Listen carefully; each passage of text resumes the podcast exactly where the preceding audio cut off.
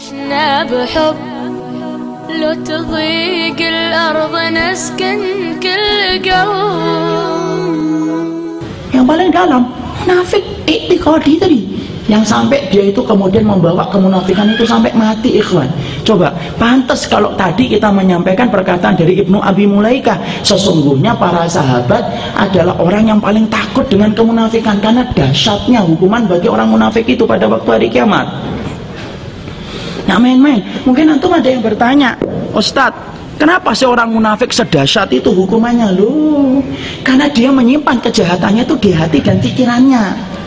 Orang itu kalau sudah menyimpan hati, kejahatan di hati dan pikiran itu selalu jadi lebih mahal, ikhwan.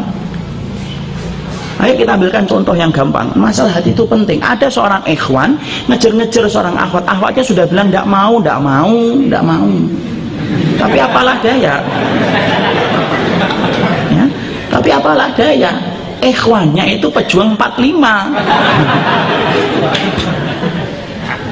Nggak gampang untuk menangkap sinyal gitu loh.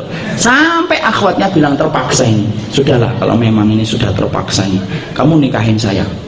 Tapi kamu tidak pernah tidak akan pernah kamu mendapatkan hati saya. Nah, kenapa? Hatiku hanya untuk Mas Bambang misal. Misal.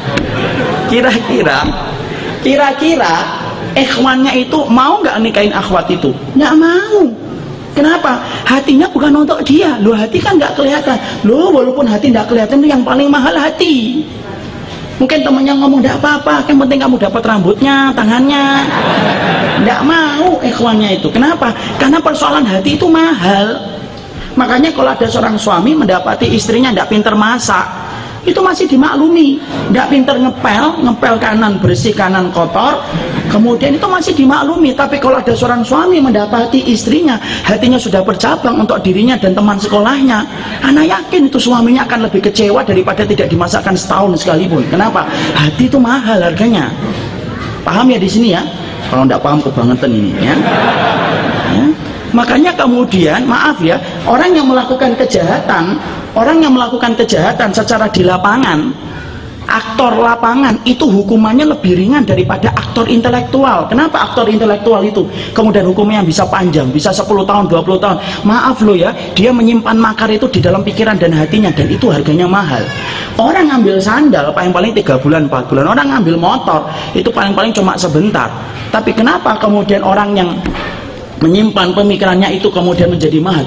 Karena sesuatu kalau sudah masuk ke hati dan pikiran itu harganya jadi mahal. Itu harganya jadi mahal. Lah masalahnya apa ini dengan kemunafikan? Sama. Orang munafik itu pak mungkin tidak minum khamar Allah tidak nyebutin orang munafik yang minum khamar Allah tidak nyebutin. Kalau bapak perhatikan karena Imam Ibn Qayyim menceritakan 47 kali Allah mengulang kata munafik di dalam Quran. Kata munafiknya saja maka kemudian Allah ketika menyebut sampai 47 kali di dalam Quran Allah tidak menyebut munafik itu minum khamr. Enggak. Allah tidak menyebut orang munafik itu mereka berzina. Enggak pula. Allah menyebut orang munafik itu kemudian mereka melakukan kedoliman mukul. Enggak. Tapi Allah selalu menyebutkan kejahatan keyakinan mereka itu Makanya kemudian kemunafikan itu orang munafik.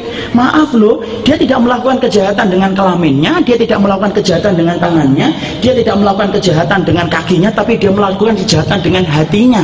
Itulah tindakan, itulah tindakan subversif dia kepada Allah. Makanya harganya apa? Mahal harganya di sisi Allah itu. Makanya jangan main-main dengan hati. Hati itu tempatnya yang paling penting. Kalau hati kita sampai kemudian rusak, rusak amal itu. Wong kita niat itu walaupun anak dan antum berjihad, nyari ilmu, sedekah, tapi kalau hati kita rusak, niat kita itu bercabang antara Allah dengan niatan manusia. Allah tidak butuh amal kita walaupun menjulang tinggi sampai nyentuh pintu langit. Allah tidak butuh. Kenapa? Allah paling benci ketika ridhonya itu disamakan oleh manusia di dalam hatinya, disamakan dengan pujian manusia. Mana ada ridho Allah di atas arah disamakan dengan pujian manusia. Makanya Allah tidak main-main walaupun kita jihad ditolak nggak akan masuk surga.